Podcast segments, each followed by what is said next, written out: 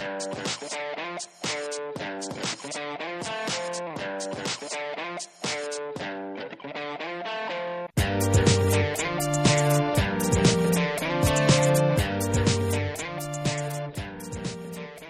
och välkomna till första episoden av Tro och Förnuft-podden som produceras i samarbete med tidningen Dagen och Cusanus. Jag heter Rickard Dahl och med mig har jag Kristoffer Skogholt och tema för podden idag är Finns det en konflikt mellan naturvetenskap och religion? Ja, och eftersom det är första avsnittet av podden så kan det vara kul för lyssnarna att veta lite mer om vilka vi är som de lyssnar på. Ja. Så jag frågar dig Rickard, vem är du? Ja, Rickard Dahl heter jag. Jag är 30 år gammal, eh, bor i Uppsala, flyttade till Sverige för åtta år sedan från Norge, från Telemark ursprungligen. Eh, läser filosofi på Newman-institutet och har haft under ganska många år ett stort intresse för teologi, filosofi, skärningspunkten mellan de två och nu mer och mer också de här frågorna om naturvetenskap och religion. Okej. Är det något som du skriver om just nu? Ja, jag gör faktiskt det. Ehm, skriver om reduktionism eh, som vi ska prata om lite senare i avsnittet. Ska försöka att utveckla en antireduktionism som bygger på eh, distinktion mellan form och materia. Alltså det vill säga, vi vet inte det bästa sättet att veta vad någonting är är inte bara att veta vad det består av utan hur det är format och organiserat. Så det ska jag Just det. skriva om. Just det. Själv då? Ja, Kristoffer Skogholt heter jag och jag är doktorand i religionsfilosofi på Uppsala universitet sen första september och har läst eh, en del på Newman också. Eh, och jag är intresserad av religion och naturvetenskap. Det var väl det som var min ingång till de här frågorna. Men har på senare tid också blivit mer intresserad av ja, fenomenologi och kontinental filosofi och sådär. På ett sätt som jag inte var för några år sedan. Mm. Eh, och så. Men mitt projekt är... Ja, berätta. Ja, ja precis. Eh, mitt projekt är än så länge i det här naturvetenskap och religionfältet. Och det handlar om frågan om själviskhet och altruism. Det är en gammal diskussion i västerlandets idéhistoria om människan är självisk eller altruistisk. Mm. Eh, Aristoteles kan man förknippa mer med den här altruistiska eh, Mm. sidan och till exempel Thomas Hobbes på 1600-talet mer med den egoistiska då. Eh, och sen har ju evolutionsteorin blivit en dialogpart i den diskussionen. Mm. Där vissa biologer som Dawkins uttrycker sig som om att evolutionen kan bara främja själviskhet. Mm. Men andra biologer eh, uttrycker sig på andra sätt och betonar samarbete och så. Så jag vill titta på den diskussionen och eh, sen också koppla den till en teologisk och filosofisk antropologi. Ja, just det. Superspännande. Okej, men om man ställer frågan väldigt direkt då. Finns det en konflikt mellan naturvetenskap och religion? Ja, precis. Och det är ju kanske en svår fråga att svara på sådär generellt, tycker jag. Eftersom det är både så att eh, religion ser väldigt olika ut i olika tider och på olika platser. Eh, Och naturvetenskapen är ju såklart inte heller statisk utan Nej. förändras och så. Så det blir ju lite så här som att fråga är fotbollssupportrar våldsamma? Typ ungefär så. Och, eh, utan det handlar ju liksom om, i det här Alltså det handlar ju om, om hur man eh, förstår religionen och hur man förstår naturvetenskapen. Det är ganska självklart Exakt. egentligen. Men, men eh, i det här programmet så tänkte vi väl då att vi skulle kolla på två eh, saker inom naturvetenskapen och två saker inom teologin som där det, en av varje så att säga då, en inom teologin och en inom naturvetenskapen tenderar att skapa konflikter Ja. och en inom det naturvetenskapliga och en inom teologin eh, tenderar att eh, skapa möjligheter för förening så Ja. att säga. Om inte lösa konflikter så åtminstone representera resurser som kan Ja. försöka få de här Precis. två perspektiven närmare varandra. Precis. Och det är väl därför vi är intresserade av de här frågorna. För Ja. att vi vill utforska Exakt. båda den här typen av eh, problemskapande Mm. hållningar och perspektiv och eh, de här mera konstruktiva eller resursorienterade perspektiven och så. Mm. Men jag kan ibland uppleva att jag kan känna en trötthet ibland Mm. i, i, i religiösa sammanhang därför att man är så pass ointresserad faktiskt av att utforska de här resurserna. Ja.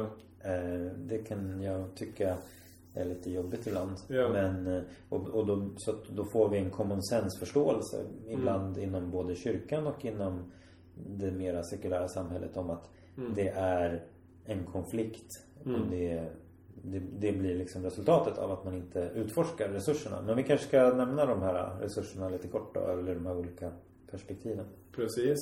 Så en eh, aspekt eller en tolkning av naturvetenskapen som eh, kan vara, eller skulle jag säga är konfliktskapande. Eh, det är det som man brukar kalla för reduktionism. Just det. Alltså tendensen att man vill reducera allt liksom, till dess, deras minsta beståndsdelar. Ja, just det. En resurs som går att eh, använda för att bemöta det perspektivet det är det här perspektivet som man kallar för emergens. Just Att det kan uppkomma komplexa helheter som är mer än summan av sina delar. Just det. Just det. Och sen på eh, det teologiska området så eh, har vi en konfliktskapande position i tanken att Bibeln eh, kan eller bör läsas som en naturvetenskaplig auktoritet. Eh, och som en teologisk resurs som representerar ett väldigt annorlunda perspektiv så har vi den gamla hedvärda distinktionen mellan primär och sekundär kausalitet som handlar om hur eh, Gud handlar i världen och vad som är skillnad på gudomligt handlande och naturligt handlande. Just det. Och att de är konfliktskapande ska, eller konfliktminskande det ska ju inte i första läget förstås som en värderande beskrivning. Nej. Utan det är en deskriptiv eh, bestämning av Ja. de här. Det tenderar att skapa konflikt om man förstår det på det här sättet. Ehm, och eh, det kan ju vara sant även om det är konfliktskapande. Precis. Eh, vilket ju är ett problem. Men, men däremot så eh, visar väl det här då att det inte är det enda möjliga sättet att Nej. eh, förhålla sig. Så vi ska utforska de här eh, positionerna och vad som är deras för och nackdelar så att säga, i programmet. För då kanske vi lite bättre kan närma oss den här frågan om finns det en konflikt mellan vetenskap och religion. Exakt. Så reduktionism då, alltså vad är, vad betyder reduktionism? Det kan ju betyda olika saker. Och vi ska, måste, här måste vi försöka liksom inte göra det så enkelt att vi gör de olika positionerna orättvisa men vi kan inte heller gå igenom de olika positionerna som det går att ha inom det här. Det finns många olika typer av reduktionism. Men väldigt grundläggande så det gemensamma kanske, liksom, om man vill liksom komma åt vad det reduktionistiska består i, så handlar det om att man vill ta någonting komplext och reducera ner det till någonting som man uppfattar som enklare eller mer fundamentalt. Så till exempel en vanlig tanke som folk känner till och som man kanske tycker är lite obaglig också, med rätta tycker jag. Det är om man skulle säga så här att alla dina tankar och känslor och din kärlek och så vidare. Det är egentligen bara eh, kemikalier eller neuroner i din hjärna liksom. Det. Det är ju psykofysisk reduktionism kallar man det. Eller alltså att man vill reducera det mentala till fysikaliska processer. Jag tänker på eh, en som har uttryckt det där rätt väl är ju Francis Crick i en bok som heter The Astonishing Hypothesis. Mm, precis. När han säger att The Astonishing Hypothesis är att du, alla dina tankar, känslor, önskningar, drömmar is nothing but a bunch of neurons. Nej, exakt. Så precis. det där har, har vi det. Ja, exakt. En klassisk, alltså så varför är man reduktionist då? Det fi- finns ju en klassisk liksom, typ av reduktionism som handlar om att fysiken har någon typ av primat inom de olika vetenskaperna. Man kallar de vetenskaperna som inte är fysik för specialvetenskaper. Just det. Ehm, Det finns ju den här Lord Rutherford, fysiker och eh, brittisk adelsman på 1900-talet, väldigt tidigt. Som sa det här att All science is either physics or stamp collecting. Det är egentligen enda seriösa vetenskapen är fysik liksom. Ja.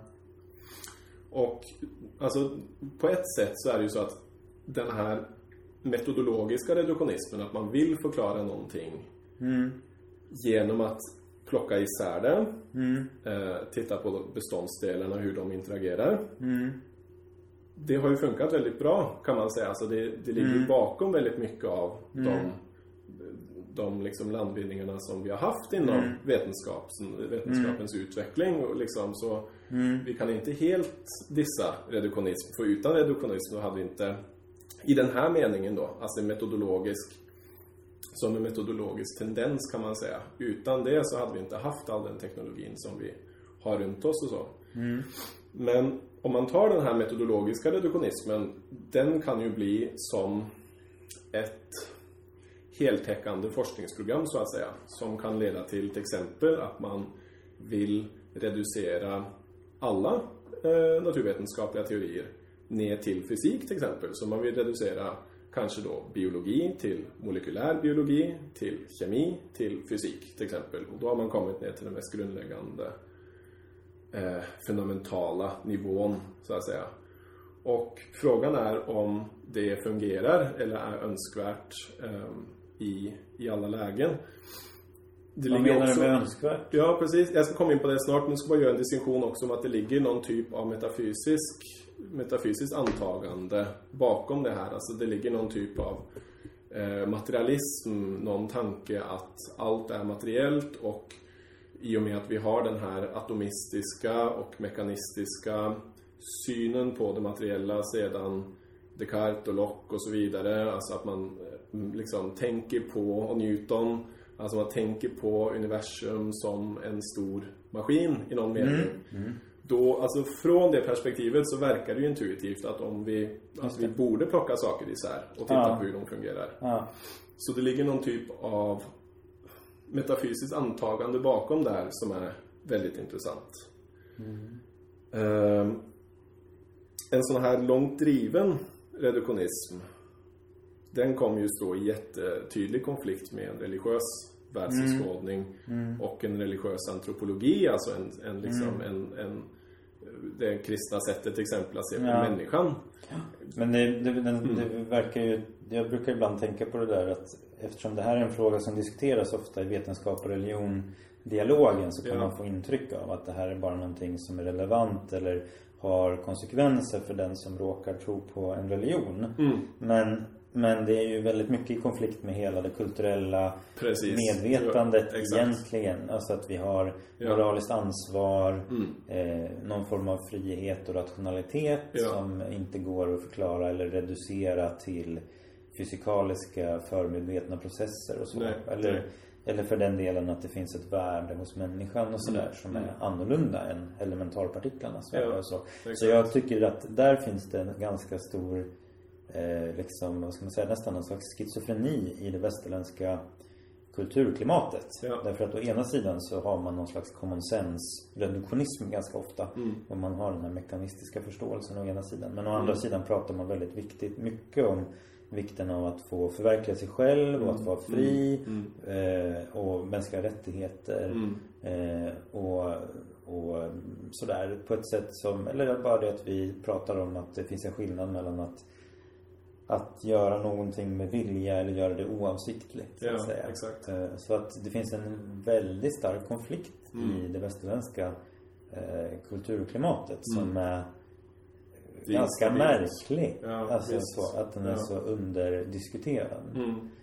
Eh, Precis. men- Nej, men det var det som är, det var exakt det som var min poäng att liksom, det är inte bara en religiös världsbild som inte funkar med reduktionismen utan hela, liksom en sån här allmän humanistisk liksom, Ja. uppfattning av människan att hon söker mening eh, eller att det finns, alltså att det är ens möjligt, liksom, möjligt Mm. att hitta mening. Till och med konstruerad mening. Alltså nu pratar vi inte nödvändigtvis ens om Nej, nej. liksom om det finns någon objektiv värdehorisont. Men liksom bara att begripliggöra. Eh, till och med konstruerad mening tror jag försvinner. I och med att rationalitet försvinner, intentionalitet, alltså avsiktlighet i våra tankar försvinner. Så tror jag inte ens vi kan ha kvar konstruerad mening. Liksom. Nej, nej, mening är ju så att säga ett meningslöst ord i, i den här världen. Ja. Eh, och, och det... Så att det är... Eh, ja, det är fascinerande. Ja. Men, men Och det här tror jag inte folk fattar liksom. nej, precis. Det, jag vet inte, där kan jag tycka ibland att, att det finns någon slags... Ja, jag vet inte, jag tänkte ibland, tänker, alltså ibland kan jag ty tycka att det finns en slags slapphet i, Mm. I det sekulära tänkandet. Om jag Ja. ska vara ärlig så tycker Ja. jag det. Eh, och, eh, Det... Alltså det kan också vara liksom eh, en, en tänkare som vi båda känner till och som vi har väldigt mycket som vi inte håller med honom om. det är Alex Rosenberg ju, Just som är superreduktionist. Ja. Och han säger ju så här att ja, de flesta liksom vågar inte dra ut implikationerna av Nej. den här synen som jag delar. Alltså andra reduktionister vågar inte dra ut implikationerna. Här ska Nej. jag dra ut implikationerna Ja. av den här synen. Och så gör han det. Ja. Och i princip eliminerar alla de sakerna som gör Just oss det. till människor. Liksom, så Ja, ja just det. Ja, hans, titeln på boken är ju Mm. ganska talande. En avförtrollad naturalists guide till verkligheten. Just det. A disenchanted naturalist guide to Reality. Ja. Ja. Jo, nej men han är verkligen, han är ju verkligen intressant. ja. För att han är så extrem i någon Ja, mening liksom. verkligen Ja. extrem. Verkligen extrem. Det är så är det ju. Men, eh, men, eh, ja. Precis. Precis. Och det, ja, precis. Ska vi gå in på emergens Mm, lite grann då? Som en Mm. slags motsvarighet till reduktionism. Det Mm. vill säga det är också en naturfilosofisk position. Mm. Eh, eh, och emergens är en svensk översättning av ett engelskt uttryck emergence som betyder uppkomst eller framträdande. Och emergensperspektivet eh, har vissa fördelar gentemot eh, till exempel då reduktionism eller fysikalism som man ibland säger. Eh, och är ett slags alternativ till både fysikalism och reduktionism och dualism och det man brukar kalla för vitalism. Alltså vitalism är ju uppfattningen att det finns något speciellt ämne eller någon kraft som skapar just, som finns just i de levande tingen så Mm. att säga. Mm. Och dualism är ju ofta förknippat med själen och i den mera medvetandet så att säga. Ja. Och fysikalism definierar det Ja, också. just det. Fysikalism är ju uppfattningen att det som finns uttömmande beskrivs av fysiken eller Mm. en eller en ideal framtida fysik så att säga. Mm. Mm. Men den grundläggande tanken i alla fall bakom emergensteorin är att vad något är inte uttömmande kan förstås enbart genom att analysera och beskriva dess beståndsdelar. Man måste också ta hänsyn till strukturen. Mm. Denna struktur skapar nämligen enligt emergensperspektivet en ny helhet. Och den skapar det då av de här delarna som ingår i helheten. Och det betyder att det behövs inga nya mystiska ämnen eller krafter för att ändå kunna nå nya eller olika typer av fenomen i universum. Mm.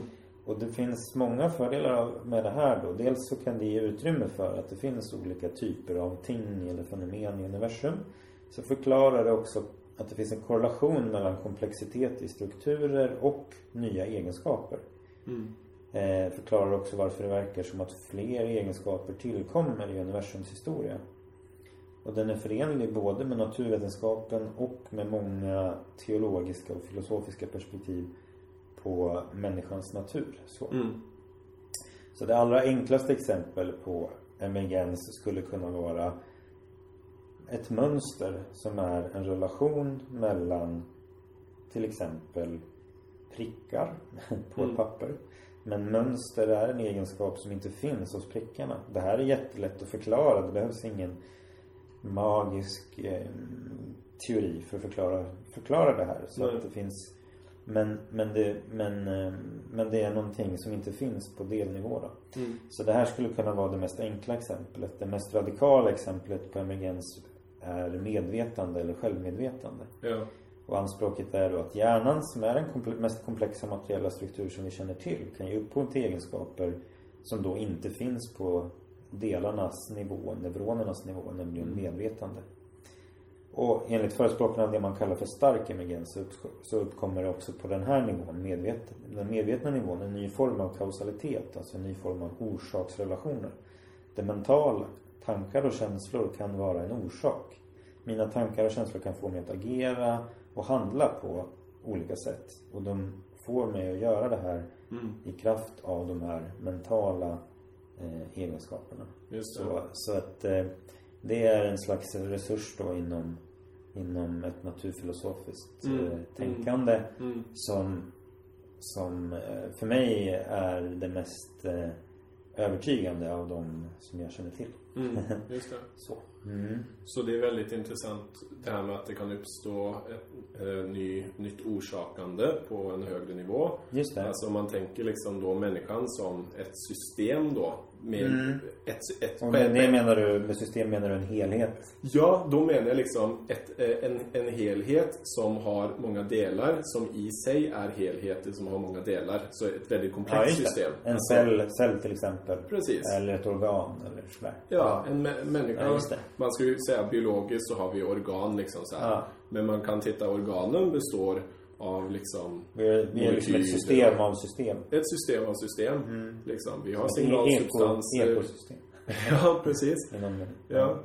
Eh, och så på det här systemet människan Ja. så eh, kan det finnas det här som man kan kalla för eh, eh, orsakande från toppen av Ja, alltså top-down Ja, causality. ja, just det. Alltså att så när du när du vill flytt, röra handen Mm. så dels så är det såklart att liksom det är mitokondrier i musklerna som verkar för att Mm. du liksom och, och arbetar med ATP som det heter i musklerna för att liksom du ens ska kunna röra på Mm. handen.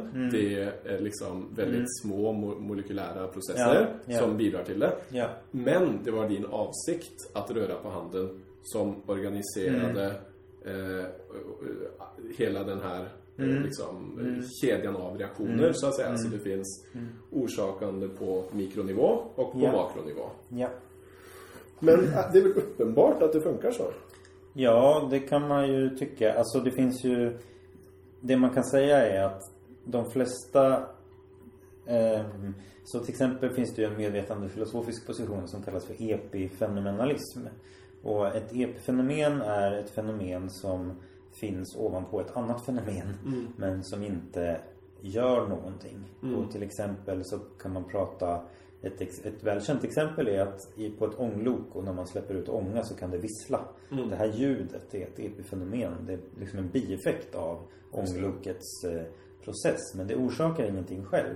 Och det är ganska många då som, alltså det är ju uppenbart att vi har tankar och känslor liksom. Även om det faktiskt finns de som förnekar det. Men, men de flesta gör inte det. Utan vi har tankar och känslor.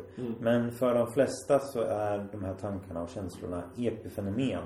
Det finns en fullständig kausal beskrivning av allt som jag gör som inte inbegriper hänvisning till de här mentala erfarenheterna. Och där, det kan man ju då rikta kritik emot och det är ett intressa, en intressant kritik som bland annat eh, eh, Karl Popper, vetenskapsfilosofen, har. Det är i en artikel som heter Natural Selection and the Emergence of Mind. Alltså naturligt urval och framväxten av ett medvetande. Det är att han säger att det, ska, det kräver mycket energi att generera den här medvetna nivån. Om den inte gör någonting så skulle det vara väldigt onödigt ur ett Just evolutionärt perspektiv. Ehm, och problemet tror jag är anledningen till att man är, är vad heter det, eh, attraherad av epifenomenalismen. Det är att vi vet inte hur vi ska förklara interaktionen mellan de här mentala fenomenen och Nej. kroppen Nej. i övrigt. Och det håller jag helt med om. Det vet vi inte och det är jättesvårt att, att föreställa sig det också. Så att säga. Men vi vet, problemet är att vi vet inte heller hur, hur det mentala uppkommer. Det som Nej. man brukar kalla för the hard problem of consciousness. Men det förnekar inte vi, eller de flesta förnekar inte det. Rosenberg förnekar det liksom. Men de flesta gör inte det. Så att nej, vi vet inte hur interaktionen ser ut åt det hållet heller. Nej. Så varför, för det här är också Mm, nämligen en väldigt poäng. intressant poäng och det är ju att vi känner smärta. Ja. Och den känslan får oss att bete oss på olika sätt som Mm. är adaptiva. Det rimligaste är att den känsloerfarenheten har motiverat oss att, eller har den funktionen att motivera oss att handla. Och ur ett evolutionärt perspektiv så är det jätterimligt om den här känslan har en kausal roll att spela. Men om epifenomenalismen är sann så är det faktiskt så att anledningen till att vi känner behag när vi har sex eller när vi äter, den är inte förklarbar ur ett epifenomenalistiskt perspektiv.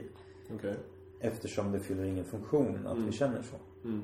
För att det inte finns något orsakande på, på Från, den är från met, Exakt, det är ju så att liksom. säga Ja. själva poängen med Ja. epifenomenalismen. Ja. Att det inte finns en sån kausal relation.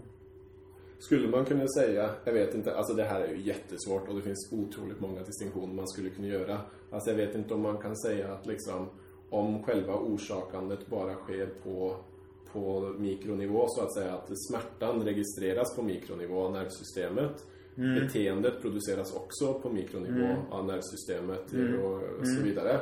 Och vi är bara vittnen till alltihopa. Så att smärtan har på ett sätt den, den, den är adaptiv, den, den gör Mm. att vi handlar. Fast att det finns ju no, in, inget vi kvar nästan som handlar. Nej. Utan det är bara... Problemet med att säga så är att eftersom smärta definitionsmässigt, man skulle kunna säga att smärta är en tjock term. Ja, Du kan inte definiera smärta utan att inkludera mental, mentala erfarenheter. nej. Eh, I alla fall inte i den medvetande filosofiska meningen. Nej, så att nej. säga. Du kan ju definiera smärta på ett helt annat sätt. Så Mm. att säga. Men då har vi inte kropp-själ-problemet. Nej. Utan om vi ska ha smärta så har vi det Så då, om man har smärta på neuronivå då betyder det att neuronerna har erfarenheter. Mentala Mm, erfarenheter.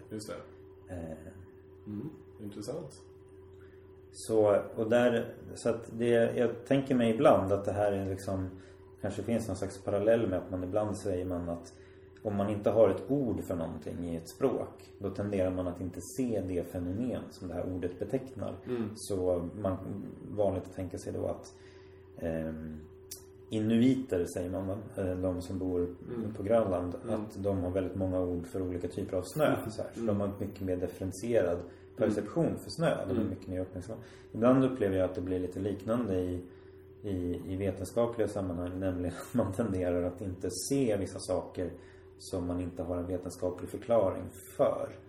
Ehm, och, och det blir liksom lättare då att inte se till exempel eh, mentalitet om man inte har en vetenskaplig förklaring för hur det uppkommer. Just det. Men, Intressant. men, eh, men eh, ja, Nej, men det här är ju jättespännande frågor och emergensteorin har ju den fördelen då i alla fall tycker jag att den kan begripliggöra det här som jag tycker verkar ha ett väldigt genomgående mönster. Att det finns en det uppkommer fler egenskaper i universums historia. Mm. Ting får fler egenskaper Mm. än vad de hade tidigare så att Mm. säga. Och det har någonting att göra med den komplexa strukturen så att Mm. säga. Eh, Så. Och det, det är, därför så, så en del säger ju att emergens och reduktionism inte är oförenliga och i en mening är det sant. Till exempel om man pratar om constituent reductionism som ju är att egentligen namnspråket att det finns inte alltså allting i universum består av samma materialämne så att säga. Så att det finns en det är inte så att om vi kollar på vilka atomer som finns i min kropp så skulle det vara annorlunda atomer än, än, än, än, de atomer som finns i universum då. Så, Mm. så, men det skulle ju vara kanske i kontrast till en dualistisk förståelse. Eller, men, Varför skulle det vara oförenligt med eh, emergens då? nej, det är inte oförenligt. Nej, det är inte det. Nej, Nej. det var det du menade. Ja, Ja, exakt. Ja, nej, det är helt med på. Precis. Ja. Precis. Det där är ju en väldigt... Det är ju en speciell tendens liksom att man tänker att bara vi vet vad någonting består av så vet vi hur Mm. Just det funkar liksom så här. Just. Alltså, Just jag tycker det är ganska uppenbart att det inte är på det sättet. Liksom Ja. så här. Om man, det är ett jättebra exempel som du tar. Liksom, plockar vi isär alla liksom, eh, fermioner och bosoner och så Ja. vidare som du består av och så kan vi Ja. organisera dem i, liksom, i teorin någon annanstans. Och de Ja. skulle ju inte vara dig för att det är den här organisationen Ja. på så många nivå eh, Just är, det. liksom, som Just det. utgör dig. Just det. Ja. Precis. Okej, men om vi ska återvända till den här kvadranten med potentiella konflikt och dialogskapare inom naturvetenskap och religion då, så tänkte vi också ta upp en teologisk tematik som vi tycker är en resurs och har mycket att bidra med i det här sammanhanget. Och det är den medeltida distinktion mellan det sätt att orsaka något som tillhör Gud och det sätt som tillhör naturliga orsaker. Alltså distinktion mellan primär och sekundär kausalitet eller orsakande. Så det man brukar tänka på i det här sammanhanget är Thomas Aquino, dominikanermunken som levde på 1200-talet. Och han tänkte sig att det går att göra en distinktion mellan Gud som primär orsak, den som är upphov till allt och som har skapat hela universum, och de sekundära eller naturliga orsakerna som finns inom universum så att säga, som står i orsakskedjor med varandra, men som ändå har sin yttersta källa i Gud. Och det här är ett sätt som man kan använda för att ha, alltså det är en ganska sofistikerad modell kan man säga eh, av hur Gud relaterar till världen. Det förutsätter inte att Gud behöver gripa in som en mekaniker som liksom utifrån liksom rör om i maskineriet i universum. Utan Gud kan skapa genom de inneboende krafterna och potentialiteterna som finns i universum. Mm. Mm. Så det blir väldigt annorlunda till exempel från mm. en sån syn som man skulle kunna eller den teologin som man kan tänka sig ligger bakom det här med intelligent design till exempel, där man tänker att Gud måste så att säga göra någonting på icke-naturlig väg för mm. att föra evolution Just framåt. Just. Istället ska man tänka sig att eh, Gud ligger bakom de här naturliga ja. orsakerna. Ja. Eh, och så. Just det. Mm. Jag tänker på ett citat jag har läst någonstans när dels finns det ju ett citat från Augustinus när han säger att naturen är vad Gud gör. Ja. Men vi har haft en tendens att tänka att naturen är det som Gud inte gör. Mm, så om Gud ska göra någonting så måste det vara övernaturligt. Precis. Eh, men det här finns det ju någon slags, eh, eller en tanke snarare om att Gud verkar genom de naturliga orsakerna. Precis, det är liksom som två delar. Det är dels att Gud kan verka mm. och, och, på ett sätt alltid verkar genom mm. naturliga orsaker i och med att de har sitt upphov i Gud. Mm. mm. Men det är också ett sätt att bevara de naturliga agenternas integritet i någon mm. mening. Mm. Alltså det där är jätteintressant och man kan tänka på hur det här har legat på något sätt, på något sätt är en metafysisk förutsättning för den här vetenskapliga världsbilden som vi har fått. Alltså, ja, det. det förutsätter ju att man ser på naturen som att den har en Eh, en integritet mm. ja, och en stabilitet, en regelbundenhet och så vidare. Just det. Och att det mm. finns ett naturligt orsakssamband att undersöka. Precis. Att Exakt. Eh, och den är särskild från, från den metafysiska frågan om, om Guds relation ja, till, till dem. det är den ju. Alltså mm. skolastikerna kunde tänka på både de här sakerna. De mm. kunde göra den distinktionen på ett mm. väldigt snyggt sätt. Albertus mm. Magnus som var lärare för Thomas Aquino mm. på 1100-talet verkade han redan. Han sa det att när vi kollar på naturen då, då kollar vi inte på naturen för att se hur Gud verkar genom eh, olika naturliga agenter. Utan vi ser på de naturliga agenterna, hur de med sin egen immanenta kraft utvecklar sig. Mm. Och det, alltså det är ju en... Det föregriper ju liksom den här mm. metodologiska naturalismen ja som vi har i vetenskapen idag på ja. ett väldigt intressant, ja, det är intressant sätt. Alltså. Det är intressant. Det finns en slags teologisk motivering till en ja. metodologisk naturalism då. I någon mening. Eh, just det. Eh, precis. Jag kommer också att tänka på ett annat citat som ju är från Aquino då, i kommentar till Aristoteles fysik. Då säger Aquino att det är som om Gud Alltså Gud är som en båtbyggare som hade gett timret en förmåga att att eh, samla ihop sig själv. Så. Eh, så att det, alltså att det finns en, en eh, kausal kraft så att säga ja. i, den, ja. i naturen. Ja. Och något som jag brukar tycka är uppmuntrande är att för Aquinas så är det större mm. att skapa någonting som själv har en kausal kraft mm. än att bara skapa någonting statiskt och dött så att mm. säga. Så att ett mm. universum som har en kreativitet så att säga. Det är ett bättre universum. Ja. eh, precis. Eh, men, men poängen här är ju att det löser upp ganska ja, många konfliktområden exakt. där man brukar tänka att naturlig orsak står i motsats till skapelse. Ja, precis. Och det är väldigt annorlunda än den här mekanistiska synen. Där Gud står på utsidan av allt utan eller liksom eller den, alltså den mekanistiska ja, den deistiska synen där, Ja, alltså precis den deistiska synen skulle vara att Gud sätter ihop klockverket i, på, i början så att säga ah, och sen ah. utfollar det sig. Ah. Sen så kan man ha en mekanistisk i den meningen att eh, Gud måste eller det kanske inte är mekanistisk, jag tänker på en interventionistisk, alltså ja, att Gud måste ja. intervenera varje ja. gång liksom så här. Han ska göra någonting. Men det är väl egentligen för att man får en, en eh, en annan förståelse. Man har en annan förståelse av relationen mellan Gud och världen. Ja. Som gör att Gud är frånvarande eh, i det naturliga. Ja. Eh, och om man har den förståelsen Mm. så måste man ju då kan Gud bara finnas i det övernaturliga. så. Ja, jo, det är sant. Ja, men då kanske vi kan gå över och prata lite om Bibeln som naturvetenskaplig auktoritet. Ja, det gör vi.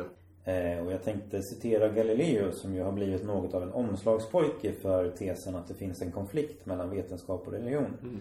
Galileo skrev i ett brev författat år 1615 så här. Jag kan inte tro att samme Gud som har givit oss sinnen, förnuft och intellekt skulle vilja att vi åsidosatte dessa gåvor för att på annat sätt ge oss, ge oss den kunskap som dessa kan förmedla. Jag kan inte tro att vi slutsatser som gäller naturen och som uppenbarats för oss genom sinnenas vittnesbörd eller nödvändiga demonstrationer skulle vara tvungna att förneka våra sinnen och vårt förnuft. Det Galileo argumenterar för här är att Bibeln inte ur Guds perspektiv är tänkt att fungera som en ersättning för naturvetenskapliga undersökningar. När det gäller att undersöka naturen är vårt förnuft och våra sinnen tillräckliga. Bibelns syfte är istället att uppenbara sånt som vi inte kan räkna ut på egen hand. Som vem Gud är och vem människan är kallad att bli. Eh, ja, vad ska man säga om den eh, synpunkten att eh, Bibeln inte så att säga är relevant eller har som syfte att lära oss hur naturen fungerar. Mm. Ja, det är ju väldigt intressant att du tar upp Galileo och, och tittar lite på hur han förstår bibeltexten liksom.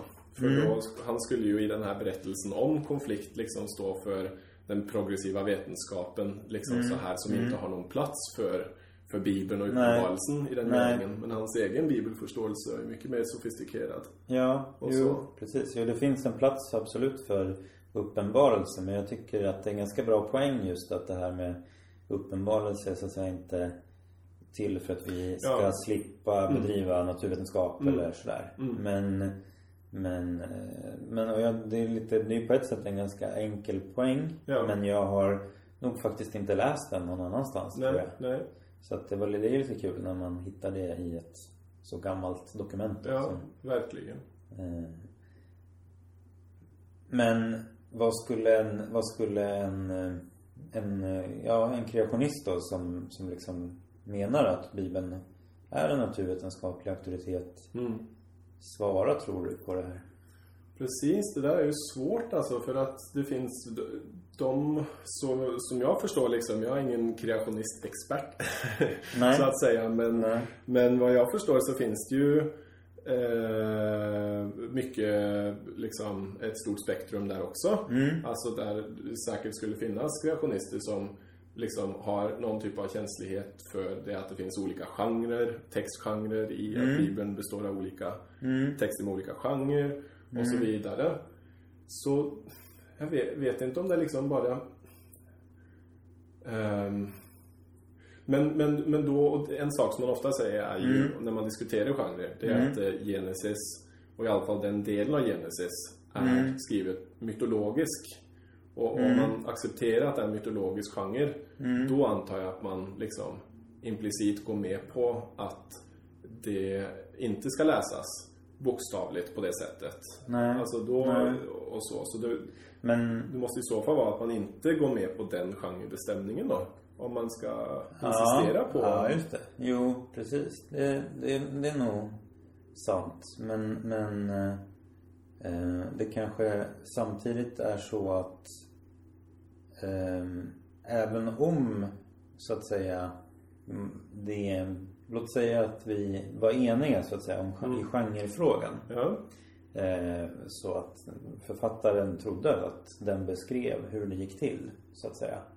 Då skulle ju någon som menar att Bibeln inte är en naturvetenskaplig auktoritet ens när den uttalar sig om naturen. Mm, mm. Säga att det gör ju ingenting om det här Nej, inte nej. stämmer Just med det. våran.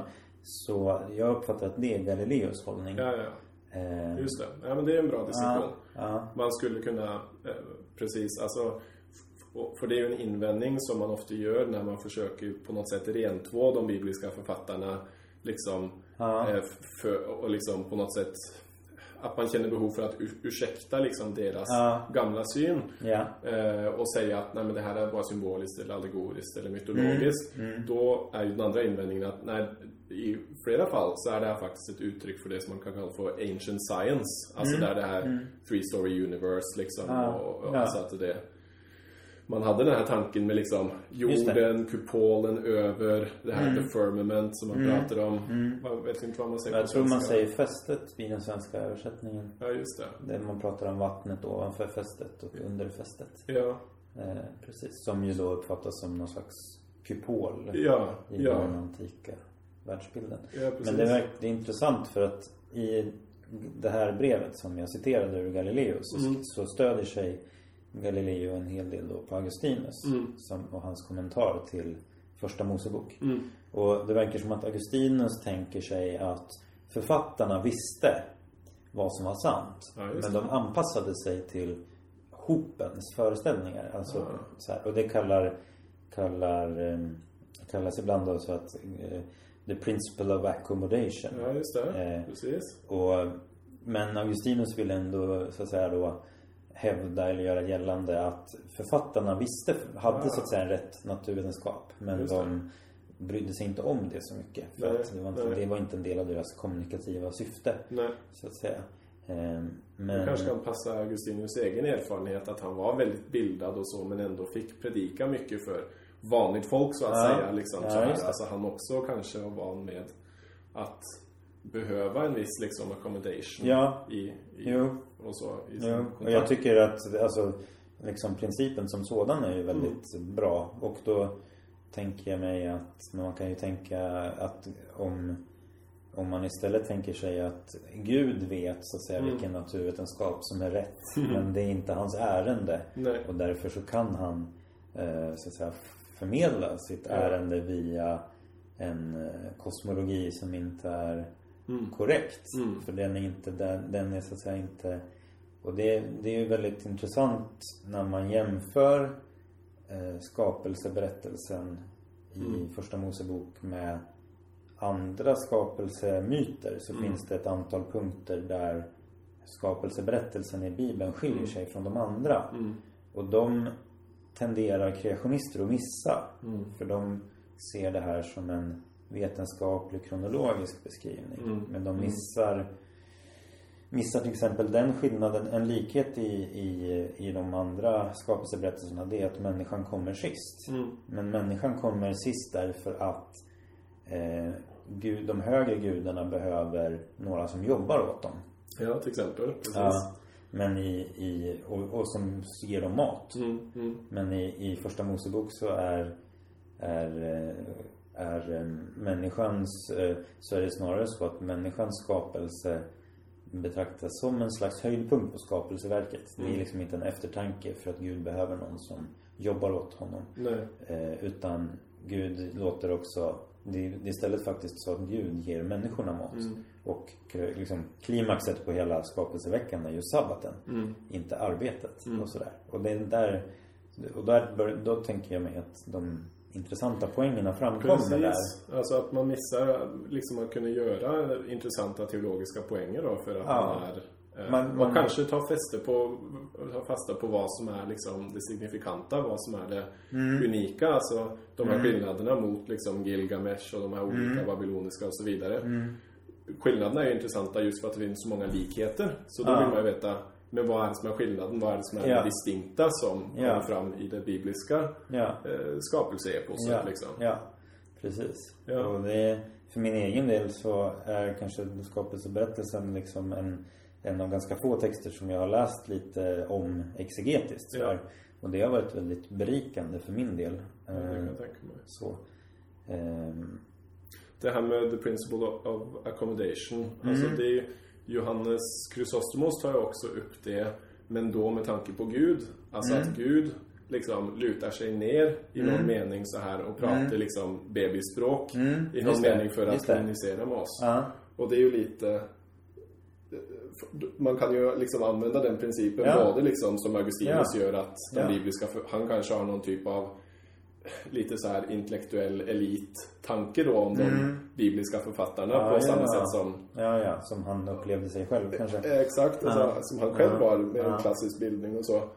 Men oavsett om man vill förlägga det till de bibliska författarna som Augustinus eller om Mm. man vill eh, göra anspråk på Johannes Chrysostomos i det här sammanhanget så är ju liksom principen densamma att Mm. budskapet, det viktiga, kan kommuniceras utan att liksom detaljerna, Mm. eh, är de, de liksom grova detaljerna, liksom den historiska meningen när man gör den här skillnaden på olika mm.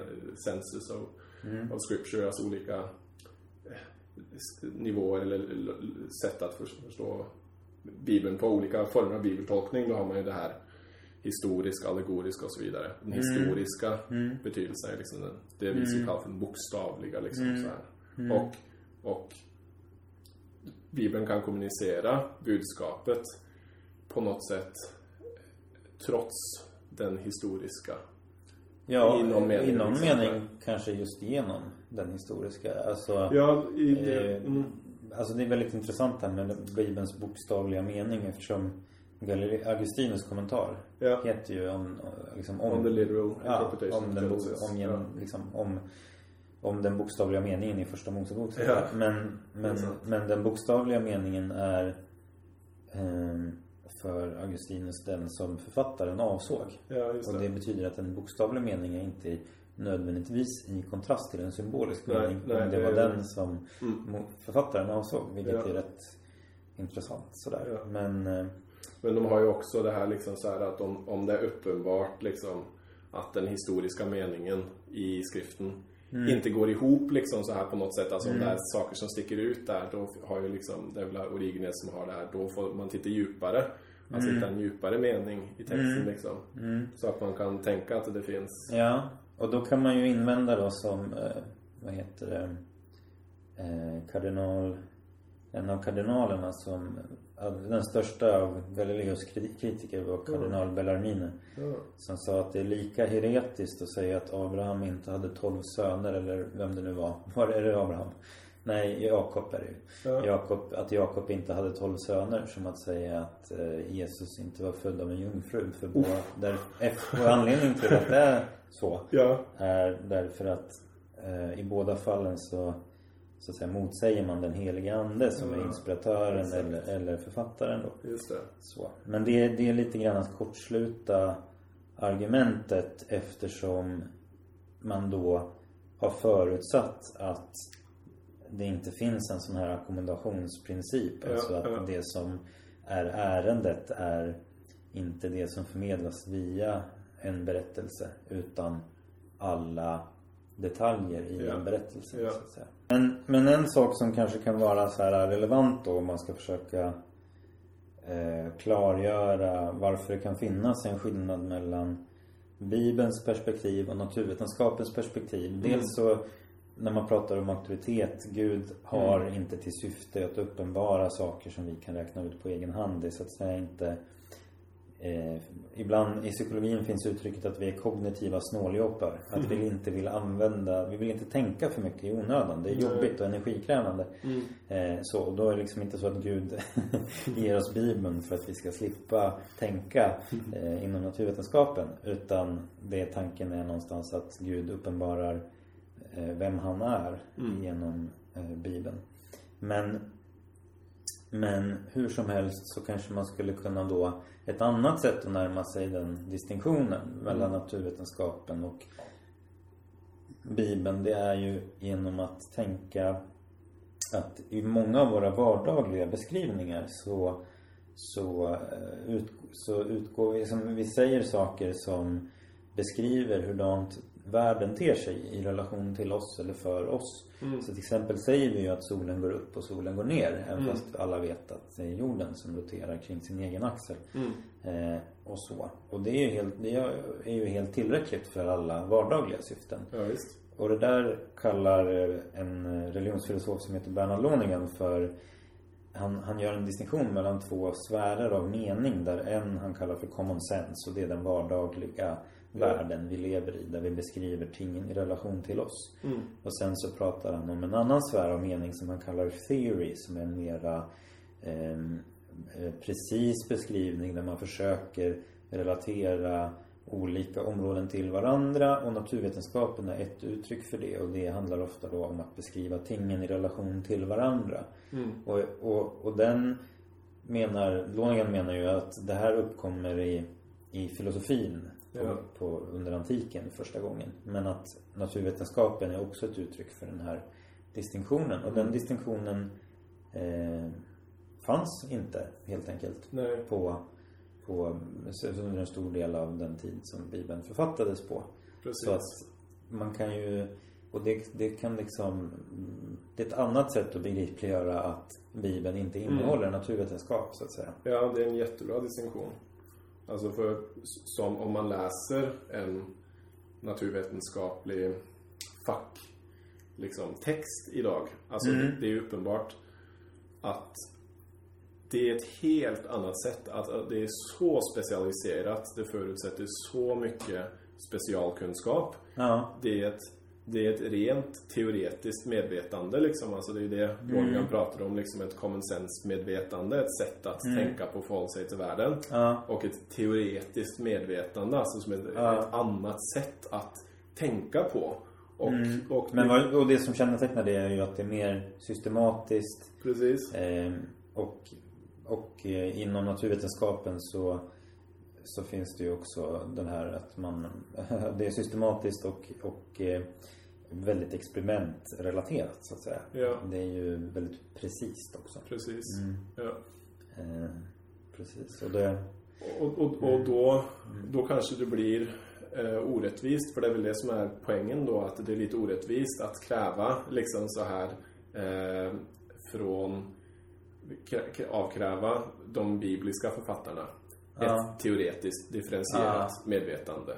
Därför att vi hade inte kommit till den punkten i historien där det hade uppstått ett teoretiskt medvetande. Så det, det är totalt liksom anakronistiskt att förvänta sig Nej. att de bibliska författarna ska tala i termer av de teorierna som vi tycker. Alltså strängteori Mm. Och det- eller liksom... det ah, Precis. Och det är ju en poäng som, som, som Lonergan gör också att ibland så finns det ju då en tendens att tänka att den vetenskapliga beskrivningen är, är den sanna beskrivningen Ja. och den här vardagliga är falsk. Mm. Men det menar inte Lonergan utan Nej. han menar att det är beskrivningar från olika perspektiv. Mm. Och eh, eh, jag menar det är inte någon, något problem så att säga att eh, uttrycka sig som att solen stannar och så vidare. Nej. När man vill uttrycka att det egentligen, ja det man vill uttrycka är att dagen blev längre så att Mm. säga. Eh, och eh, det, det, det är så att säga en fenomenologisk beskrivning så att Mm. säga. Så länge man vet vad det är man gör så Mm. finns det ingen motsättning mellan de Nej. beskrivningarna. Men ett område där man kan tänka sig att det faktiskt skulle kunna finnas en motsättning mellan de beskrivningarna är ju i frågan om reduktionism. Mm. Därför att eh, en reduktionist, i alla fall en, en, en fullfjädrad så att säga, reduktionist skulle säga faktiskt att den fenomenologiska beskrivningen är i en viktig mening falsk. Mm. Så för den ontologiska reduktionisten så är den fenomenologiska eller den medvetna nivån en illusion eller illusorisk och den enda verkliga nivån är den som beskrivs eh, av fysiken. Så det är ett perspektiv då på theory-nivå som inte ger utrymme för andra beskrivningar som verkliga. Mm. Till skillnad då från emergensperspektivet som också är ett perspektiv på teorinivå eh, i Lonegans mening men som ger utrymme för att det finns eh, flera beskrivningar och flera nivåer i verkligheten som inte är reducerbara till varandra. Även om eh, kemin är beroende av fysiken och biologin är beroende av kemin och psykologin är beroende av biologin och sådär. Men går utöver den. Just det, precis. Ja, och det är ju ett sånt perspektiv man behöver. Alltså ett perspektiv som redogör för all data, så att säga. Alltså både våra sinneserfarenheter, common sense perspektiv och det teoretiska perspektivet som vi hämtar från vetenskaperna. Ja. Det funkar liksom inte att ha, att ha en fysik som inte har plats till fysikern som bedriver fysiken liksom. Nej, precis. Ja, jag tycker det kunde vara ett slagord liksom. Rädda fysiken. Och så här, save the waves. You must save the physic, physics from physics. the physicist from physics. Nej. Ja. Eh, ja, nej men det kan väl vara ett bra slutord. Rädda Ja. fysiken. Jag tycker det. Ja. Vi köper det. Mm. Okej, då är det dags att avsluta samtalet för denna gång. Vi hoppas att ni som har lyssnat har tyckt att det varit intressant. Vi kommer ta upp en massa roliga frågor i den här podden i kommande avsnitt, så vi hoppas ni hänger med i fortsättningen. Dela gärna podden med era vänner och dela gärna tankar och frågor med oss på Facebook-sidan. Tro och förnuft-podden produceras i samarbete med tidningen Dagen och Cusanus. Era värdar har varit Kristoffer Skogholt och mig, Rickard Dahl. Hej då!